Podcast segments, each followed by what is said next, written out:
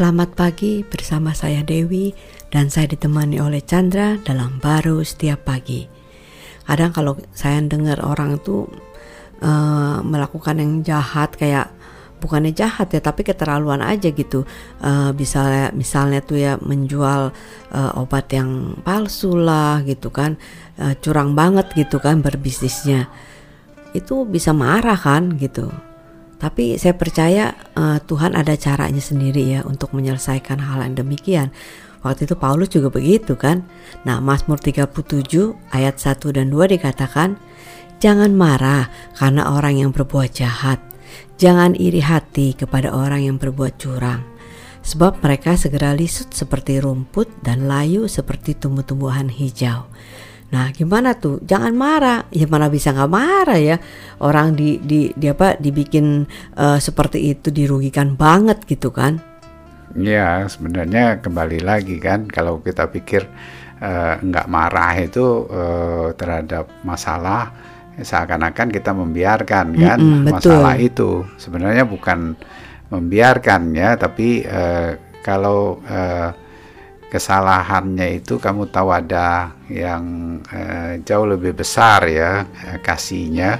Kan berbeda kan? Hmm. misalnya kayak anak kecil kan anak bayi gitu ya salah. Eh, mungkin dia kencing lah dia eh, itulah. Kan kenapa kita nggak terbawa marah? Karena ya kita bisa memaklumi kan cuma mengasihi kan uh, anak itu kan. Mm -hmm. uh, cuma masalahnya pandangan kita itu sangat terbatas yang melihat salah itu uh, sehingga uh, kita nggak bisa memakluminya tapi kita ikut terbawa emosi kita sehingga uh, udah bermasalah. Nah kita juga ikut sengsara kan jadinya. Tapi kalau kita ngelihat kepada Tuhan dia kan jauh lebih besar. Apalagi oleh Kristus dia sudah menebusnya setiap permasalahan manusianya. Sehingga kita percaya aja adanya cara Tuhan tanpa kehilangan tuh rasa damai kita.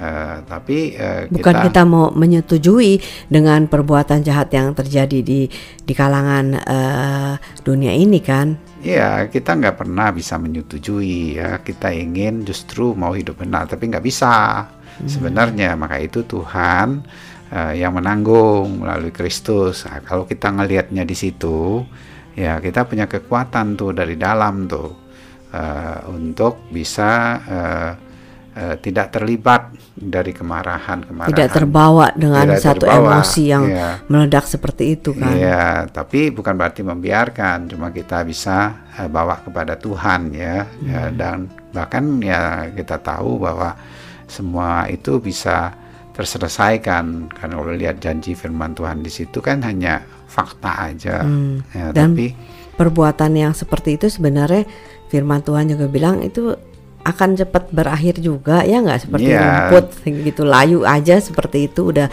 udah hilang gitu kan ya kadang-kadang kita berpikir kalau kita nggak marah nggak melakukan sesuatu dia nggak hilang gitu Betul. gitu kan nggak begitu semua itu temporary aja hmm. yang kekal itu kan dari Tuhan nah, hmm. kita dia ingin ngelihat kekekalan Tuhan itu kan hidup dia yang bisa kita uh, terima alami kuasanya di tengah uh, situasi kondisi yang memang ya secara manusia bisa bikin orang uh, tidak tenang ya marah begitu. Hmm.